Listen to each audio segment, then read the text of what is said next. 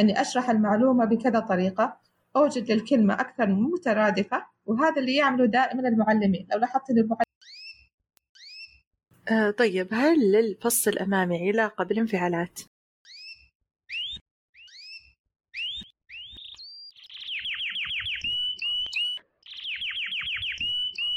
فوق الرياض وتحت أنظار السحب غصون ترمي الأسئلة وعصافير تغريدها الأجوبة وأراجيح لا تقف ونداءات وبهجة وشغف. تركناها طويلا دون سبب وعدنا إليها بالرسائل والكتب. ركبنا أرجوحة علمية أنيسة تعيدنا إلى تأمل عميق. ثم تدفعنا إلى فضاء بعيد. تؤرجحنا تساؤلات وأحاجية. لتحلق بنا وبكم معا عاليا. بسم الله الرحمن الرحيم. حياك الله نوال وحيا الله جميع المستمعين. سعيدة جدا بالتواصل معك عن بعد. ما زلت أذكر جلستنا في المكتب مع بعض خلال عملنا على البحث مناقشاتنا العلمية وأكيد ما زالت هذيك الأيام في ذاكرتي آه، فعلا أتذكر وكانت أيام جميلة كنا نقعد نتناقش آه، بمتعة في الأبحاث العلمية وربطها بالواقع وحبينا نشارك هذه الخبرة الناس ومن هنا جاءت فكرة هذه القناة أن المعلومات العلمية تكون آه، بطريقة سهلة للتطبيق ومسلية.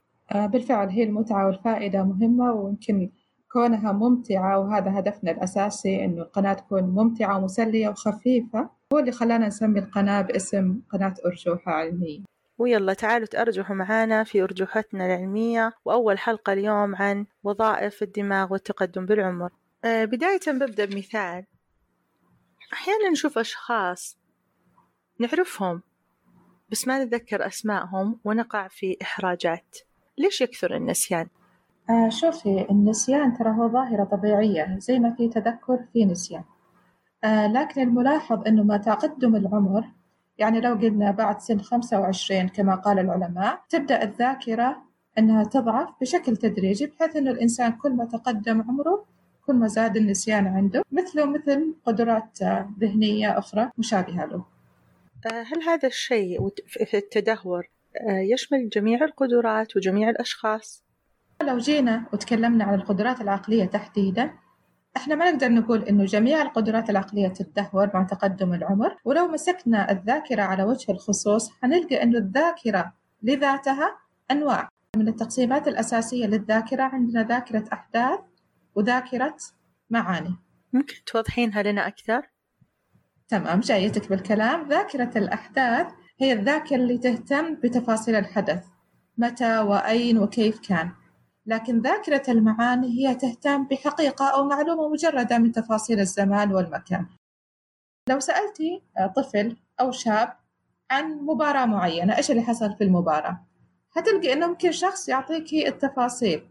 إيش اللي حصل وكيف وكيف كان تتابع مثلا الأهداف وتسلسل حركة اللاعبين؟ هذه ذاكرة أحداث بالتفاصيل. لكن لو قال لك إنه الفريق الفلاني فاز أو الفريق الفلاني حصل على كرت أحمر هذه ذاكرة معاني مجرد حقائق ما عندي تفاصيلها. نفس الشيء بالنسبة للذاكرة إحنا ممكن نتذكر كل التفاصيل ممكن فقط نتذكر معلومة أتذكر إني زرت المكان الفلاني أنا عندي هذه المعلومة معنى موجود لكن ما أتذكر الأحداث. اللي يحصل مع تقدم العمر إنه ذاكرة الأحداث تبدأ إنها تقل وتنخفض لكن في المقابل ذاكرة المعاني تبدأ تتحسن وتزيد مع العمر. كيف ممكن الإنسان يتكيف مع هذا التغيير ويستفيد منه؟ ممتاز. إحنا عندنا معلومة حابين نستفيد منها. كيف أنا أتكيف مع نقص ذاكرة الأحداث عندي وزيادة ذاكرة المعاني؟ آه الإنسان ممكن يتحول من اعتماده على ذاكرة الأحداث إلى اعتماد على ذاكرة المعاني. مثلا الطفل لما يحط لعبته في مكان معين حيتذكر إنه حطها لما دخل البيت في الدرج الفلاني أو في الدولاب الفلاني. لكن كل ما تقدم الإنسان في العمر بدأ يفقد هذه القدرة على استرجاع الأحداث وتفاصيلها. فلازم أنا أعود نفسي إنه يكون عندي روتين معين بحيث إنه أنا أعرف مثلا والله إنه هذا الدرج للمفاتيح والفواتير المهمة آه على سبيل المثال إنه هذا الوقت هو الوقت المخصص لأخذ الدواء. فكل ما كان عندي روتين ثابت كل ما حفظت نفسي من كثرة النسيان. الشيء الثاني كمان إني أحاول أحرص إنه المعلومة الواحدة يكون لها أكثر من طريقة بحيث أنه على سبيل المثال فقط طريق واحد عندي طرق أخرى تؤدي لنفس المعلومة. يعني مثلا لو أخذنا التذكر لأسماء الأشخاص. إحنا أحيانا نسمع اسم شخص وبعدين لما أجي أحاول أستدعي الاسم وأقول هي قالت لي الاسم بس ماني قادرة أتذكره لأنه ذاكرة الأحداث عندي ضعيفة. لكن لو أنا حاولت إني أربط اسمها بكذا شيء مثلا على سبيل المثال لو جينا لمعنى اسمك نعم. إيش معنى اسم نوال؟ آه نوال تعني عطاء ونصيب حلو فأنا لما وحدة تعرفني بنفسها وتقول لي إنه اسمها نوال أربط بالمعنى العطاء والنصيب آه، أربطه باسم شخص أعرفه من زمان واحدة أعرفها من زمان أو قريبة لي وأحط الصورتين قدامي أتخيل الصورتين قدامي فبالتالي ما راح أنسى الاسم بسهولة نجي معنى اسمك. إيش معنى اسمك سمية؟ معنى اسمي مأخوذ من السمو هو العلامة المميزة. جميل. معنى الاسم لو الحين أتخيل شكلك واقفة على شيء دائري وهذا الشيء الدائري جالس يطلع فيك لين السماء. يسهل علي إن لما أشوفك أربط الاسم معنى اسمك فيك فبالتالي يسهل علي تذكر اسمك صح كذا؟ جميل. تطبيق جميل جدا ممتاز. فهمت من كلامك أننا آه، نسوي روتين يخفف علينا نقصان ذاكرة الأحداث. وأيضا آه، أن نربط الأشياء بمعاني يسهل علينا تذكرها. آه، بالنسبة لي آه، هذا العمر معناته أنه بيركز على الفكرة الأساسية. والجميل في الموضوع أنه ما راح يركز على تفاهات المواضيع اللي موجودة في ذاكرة الأحداث. لذلك نشاهد أن كل ما تقدم الإنسان بالسن تكون الحكمة عنده أكثر لأنه يركز على المعاني. مضبوط كلامك مضبوط. بالفعل المعاني ترتبط بالحكمة والأحداث هذه ترتبط بالاهتمام بالتفاصيل. فزي ما قلتي أنا مع التقدم في العمر أبدأ أهتم بالجوهر وأترك التفاصيل البسيطة وهذا يزيد الحكمة مثل ما قلتي. جميل ولعل جانب مشرق في هذا التقدم يعني. آه، بالنسبة في ظاهرة آه، اللي هي ظاهرة على طرف اللسان الناس تقول والله على طرف لساني بس آه، ما جت الكلمة في بالي. في لها علاقة بهذا الموضوع اللي جالسين نتكلم عنه؟ في لها علاقة كبيرة جدا بموضوع الذاكرة ليش؟ لأنه الشخص كل ما تقدم في العمر كل ما زادت ذخيرته اللغوية. يعني الطفل الكلمات والمفردات الموجودة عنده قليلة مقارنة بالكلمات الموجودة عند الراشد. لكن ما نلاحظ أنه هذه الظاهرة تكون موجودة بكثرة عند الأطفال؟ هي تكثر مع التقدم في العمر. فإيش المشكلة؟ المشكلة في سرعة استرجاع المعلومة. المعلومات عندي لكن ما أقدر أسترجعها بشكل سريع. فتلقيني أعلق في ظاهرة على طرف لساني. طب هل لها من حل؟ إذا الشخص حرص أنه يربط المترادفات بشكل مستمر على سبيل المثال أني أشرح المعلومة بكذا طريقة أوجد للكلمة أكثر من مترادفة وهذا اللي يعمله دائما المعلمين. لو لاحظت أن المعلمين يحرصوا أنهم يشرحوا المعلومات للطلاب بكذا طريقة فهو شخص متميز في امتلاك المترادفات للمعنى الواحد وهذا اللي يخلي ظاهرة على طرف اللسان تقل بشكل كبير عند المعلمين.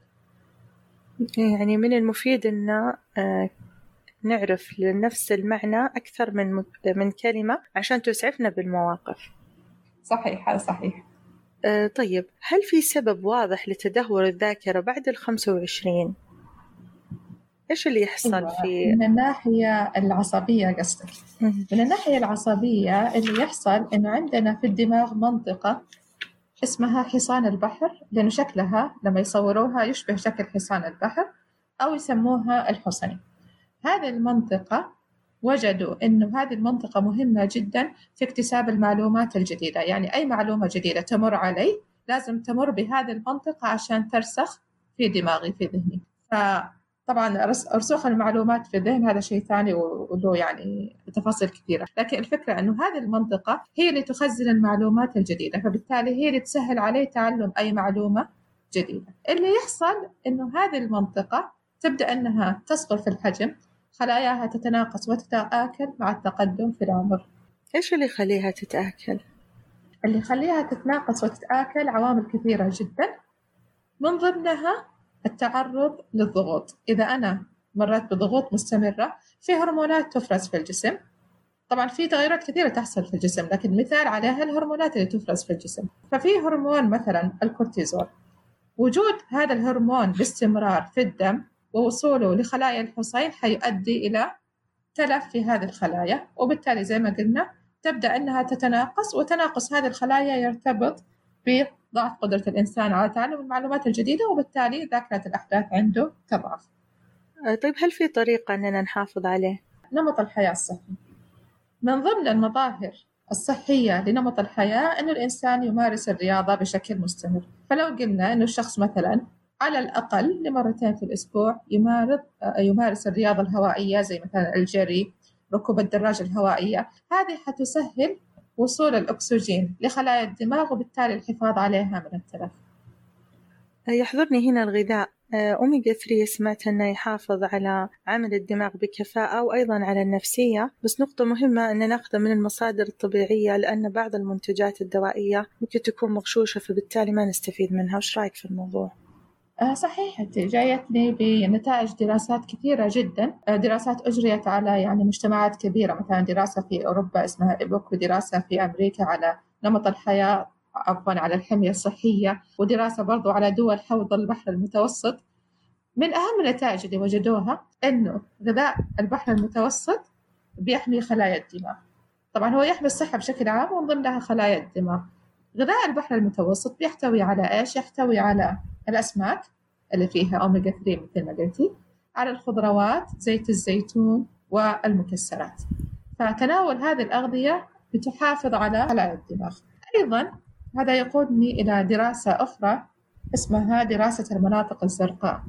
غريب اسمها. اسمها يرجع إلى فكرة هذه الدراسة. حرصوا في أمريكا تحديدا على التعرف على المناطق اللي يعيش فيها الأشخاص لأعمار طويلة تتجاوز التسعين والمئة وبصحة جيدة. فأخذوا الخريطة ولون المناطق اللي يكثر فيها كبار السن الأصحاء بلون أزرق وبعد كذا أرسلوا باحثين لهذه المناطق عشان يشوفوا نمط الحياة الموجود فيها وهل يرتبط بالحياة الصحية اللي هم يعيشوها لفترة طويلة أو لا. فوجدوا من أهم الظواهر اللي وجدوها مشتركة بين هذه المناطق إنه الأشخاص بيعتمدوا أول شيء على الحركة يعني ما يعتمدوا مثلا على ركوب السيارات بالعكس يمشوا بشكل كبير جدا. آه بيعتمدوا على الغذاء الصحي الطازج اللي ما هو معلب لا كل الأغذية بيعملوها من آه مواد طازجة وما هي معالجة. أيضا عندهم العلاقات الاجتماعية. المنزل الواحد بيعيش فيه الجد مع الأحفاد وحياتهم الاجتماعية فيها تفاعل بشكل مستمر. فهذه الأشياء اللي هي الحركة والرياضة والتغذية والعلاقات الاجتماعية خلت حياتهم نقية من السموم نقية من الضغوط وهذا قد يكون هو العامل اللي ارتبط بنمط الحياة الصحي والسلامة العقلية عندهم لفترة طويلة. يحضرني بعد هنا قصة امرأة حفظت القرآن بعد عمر الستين. فمعناته فعلا الإنسان عنده قدرة أنه يحافظ على سلامة دماغه. وهذا جانب مشرق في الموضوع. صحيح معك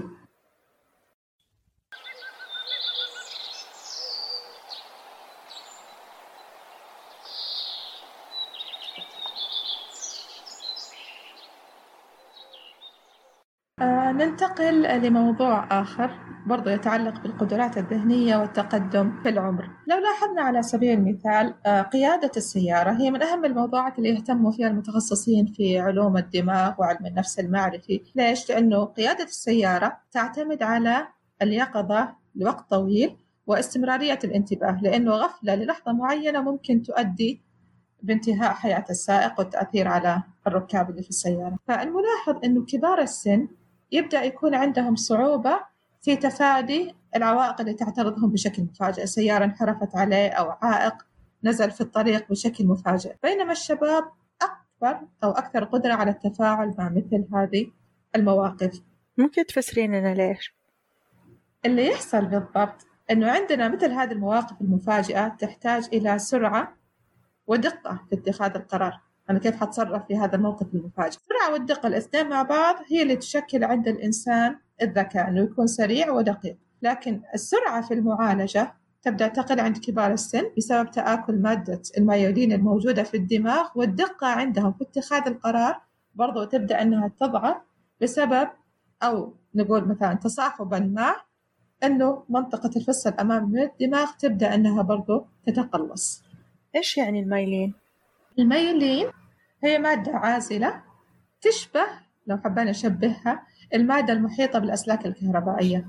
إحنا عندنا الدماغ في محاور عصبية طويلة وظيفتها توصيل الإشارات من منطقة إلى أخرى بشكل سريع بحيث أنه أنا يكون عندي سرعة في معالجة المعلومات. هذه المحاور العصبية الموجودة في الدماغ الموصلة للإشارات محاطة بالمايلين وهي مادة بيضاء دهنية. إذا هذه المادة كانت موجودة بشكل كثيف ومركز حول المحاور العصبية حيكون توصيل الإشارات سريع.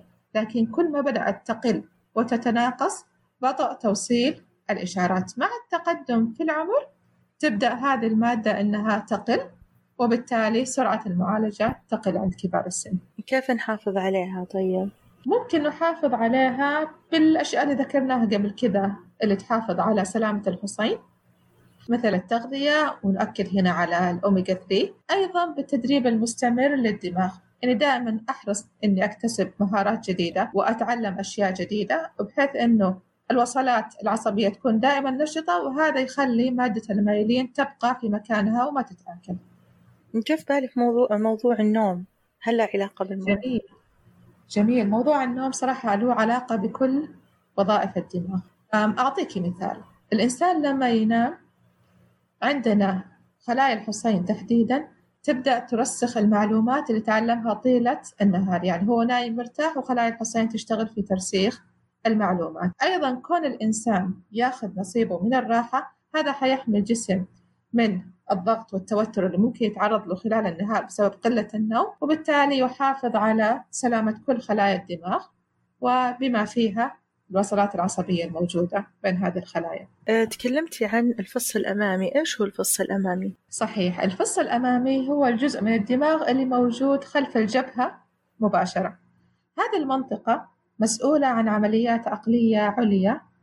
أه، من ضمنها مثلا ما يعرف بالذاكرة العاملة. الذاكرة العاملة هذه إيش وظيفتها؟ وظيفتها أن تخلي الإنسان يقوم بمهام وهي موجودة في ذهنه من غير ما يعتمد مثلا على الورقة والقلم. فعلى سبيل المثال لو قلت لك احسبي لي مسألة حسابية في ناس ناس تحتاج تكتبها على الورقة عشان تحلها. لكن في ناس الذاكرة العاملة عندهم مدربة وفاعلة فبالتالي يؤدي المسألة ذهنيا. هذا يعتمد على الذاكرة العاملة. أيضا اتخاذ القرار لما يكون عندي عدة معلومات أبغى أقارن بينها حيث أصل إلى قرار سليم وأرجح جانب على جانب. هذا برضو يعتمد على سرعة المعالجة وعلى الذاكرة العاملة اللي هي ترتبط بشكل كبير بالفص الأمامي. آه طيب هل للفص الأمامي علاقة بالانفعالات؟ ربطي لنا الفص الأمامي بمنطقة ثانية اللي هي اللوزة. اللوزة من أهم المناطق اللي ترتبط بالانفعالات عند الإنسان واللوزة سميت بهذا الاسم لأنه شكلها يشبه شكل اللوزة. هذه اللوزة هي زر الانفعالات. يعني بمجرد ما تستثار اللوزة كأني ضغطت زر وبدأ الانفعال عند الإنسان. طبعا الانفعال عادة لما يكون شديد يفقد الإنسان السيطرة على نفسه فنحتاج شخص يرتب هذه الانفعالات. من اللي حيرتب لي هذه الانفعالات في الدماغ؟ الفص الأمامي هو المثبط هو المتحكم والضابط للانفعالات. فإذا الفص الأمامي عندي نشط ومستمر في نشاطه لو جاني موقف محبط أو تعرضت مثلا لموقف ممكن يسبب لي الغضب إذا اللوزة ما لقت من يضبطها حيستثار الانفعال حيكون الإنسان خارج السيطرة. لكن إذا الفص الأمامي نشط حيرتب لي انفعالاتي وحيضبطها. الذاكرة العاملة اللي أعرفها أن لها علاقة بالأشياء اللي أتعلمها جديد. وكما ذكرتي الآن أن اتخاذ القرارات بيكون عندهم صعب وبطيء. هل أفهم أن اتخاذ القرارات في المواضيع الجديدة فقط ولا المواضيع القديمة أيضا؟ لأن حسب فهمي كأنها المواضيع الجديدة فقط. بالنسبة لاتخاذ القرارات آه، لو فكرنا فيها في معلومات الإنسان يكون ملم فيها وعنده خبرة طويلة فيها. هذه الخبرة الطويلة حتنفعه لأنها تعتمد على ذاكرة المعاني زي ما قلنا اللي هي تتحسن مع التقدم في العمر. فبالتالي الأشياء اللي عنده خبرة فيها ما راح تتأثر بشكل كبير. فين التأثر حيكون في المواقف الطارئة اللي تحتاج اتخاذ قرار سريع. هنا الشخص ما حيقدر أو حيكون صعب عليه في كثير من الأحيان إنه يتخذ قرار أو يتخذ قرار سريع في آه، موقف طارئ يحتاج وقت ويحتاج يفكر. فكوني أباغته هذا ممكن يضعف أداؤه معناته أن آه، أقدر أفهم هنا أن الذاكرة آه، العاملة واتخاذ القرارات تؤثر على قرارات الشخص إذا تقدم بالسن السريعة معناته أنه يقدر يتخذ قرارات في أشياء عنده سابقة ويساعدني هنا بالتوظيف. الوظائف المناسبة حسب ما ذكرتي لي وحسب ما أفكر بهذا الموضوع. زي لما المعلم مثلا يكبر بالسن يصير العصبية شوي عنده أكثر فيأخذونه كمستشار المعلمين. هو يظل مهم بس نوظفه في المكان اللي يناسب خصائص. الجراح الكبير لما بيتعامل مع مواضيع سبق أنه تعامل معها يسهل عليه لكن شيء فيه قرارات جديدة آه، هنا الأفضل أن يأخذونها الأصغر سنا.